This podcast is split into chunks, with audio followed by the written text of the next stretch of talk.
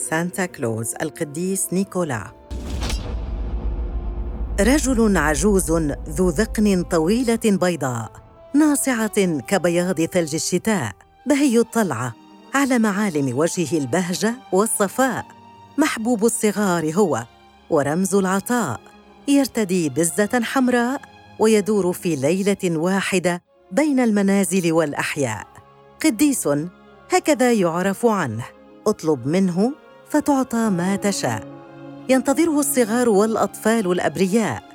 يلقونه في ليلة من ليالي كانون الأول الباردة. ينتظرون بفارغ الصبر هذا اللقاء. برفقة غزلان يأتي. يطير ويعلو في الفضاء.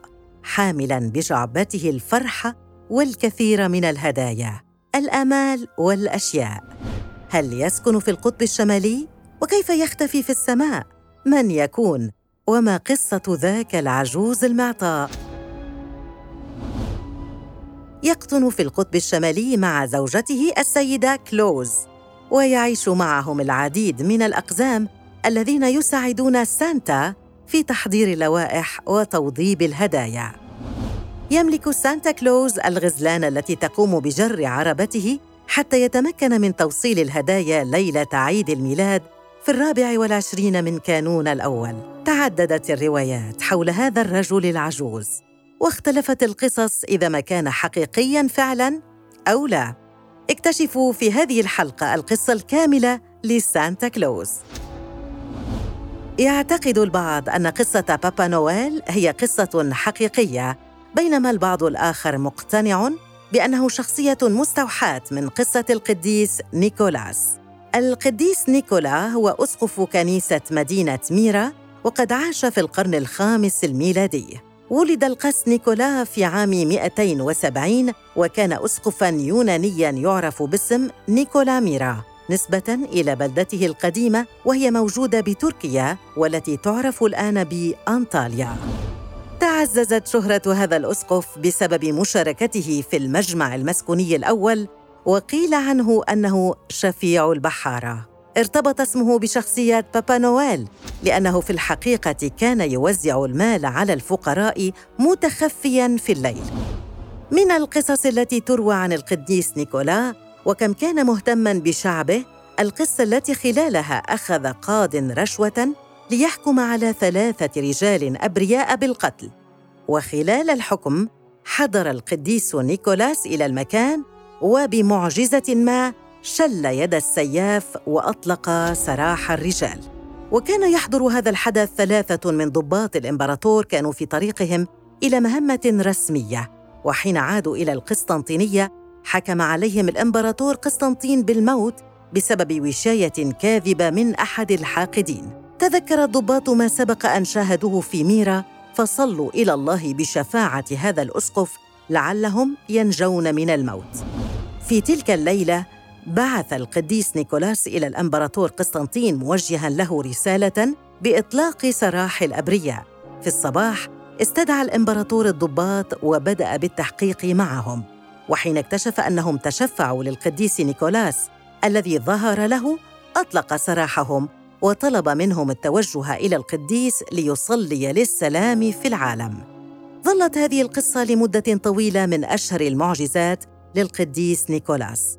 أما الصورة الحقيقية لبابا نويل فقد ولدت فعلاً على يد الشاعر الأمريكي كليمنت كلارك مور الذي كان مختصاً في الأدب اليوناني والمشرقي وبحوث الكتاب المقدس. وقد أصبح قسيساً في الكنيسة الأسقفية الأمريكية وكتب قصيدة ليلة عيد الميلاد التي تعرف باسم زيارة من القديس نيكولاس. وأعاد إلى الأذهان قصة هذا القديس فتعرف الناس عليه وبدأوا يحبونه ليرتبط اسمه بعيد الميلاد المجيد. وقد كتب عن زيارة القديس نيكولا ذو الهيئة البهية مرتديا زيه الأحمر يقود عربة تجرها ثمانية من حيوانات الرنة قادمة من القطب الشمالي ليدخل من المدفأة حتى لا يراه الأطفال ليلا ويفاجؤون بالهدايا تحت شجره العيد في الصباح ويمتلكهم السرور وبذلك انتشرت هذه الصورة عن القديس نيكولا المنبثقة عن القصيدة ليشهد القرن التاسع عشر ظهور شخصية سانتا في الملابس الحمراء. وقد تطورت هذه الشخصية عبر العصور ونسجت عنها العديد من الأساطير بحيث صور البعض أن القديس نيكولا لم يكن يكافئ الأولاد ذوي السلوك السيء وهذا ما دفع الأطفال لاتباعهم سلوكيات جيدة لتجنب العقاب من القديس نيكولا. وبقيت هذه الصورة مطبوعة في أذهان الأجيال حتى كتبت الأغاني التي بصددها يخبر الأولاد عن سلوكهم الحسن لسانتا كلوز لكي لا ينسى إحضار الهدايا لهم.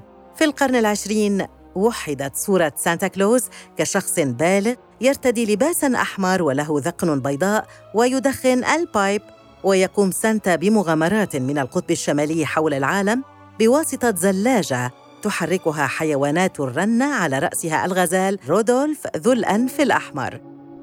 وقد شغلت شخصية بابا نويل بال المؤلفين الذين أغرقوا على الأفلام بالقصص عن هذا الرجل العجوز وكذلك الأغاني الاحتفالية. بذلك أصبحت شخصية بابا نويل محببة لدى الجميع في كافة أنحاء العالم بحيث أصبح الرجل الذي ينتظره الصغار كل عام. قصة الرجل ذو اللحية البيضاء الطويلة تحمل في طياتها الكثير من الدلالات والرموز عن معنى عيد الميلاد والعطاء الذي هو أحد أسرار هذا العيد. كما ويكون بذلك قد تجسد القديس نيكولا في كل عيد مغرقا على الشعوب برسالة العطاء والمحبة التي حملتها حياته برمزية مهمة وهي مساعدة الفقراء والذين هم بحاجة لكن يبقى حضوره سريا ليكون العطاء في اسمى حلله. تختلف الأساطير حول موطن بابا نويل. البعض اعتقد أنه من السويد فيما ظن البعض الآخر بأنه من فنلندا خاصة أنه هناك قرية تدعى قرية بابا نويل يروج لها سياحيا على أنها مسقط رأس سانتا ويزورها آلاف الأطفال سنويا.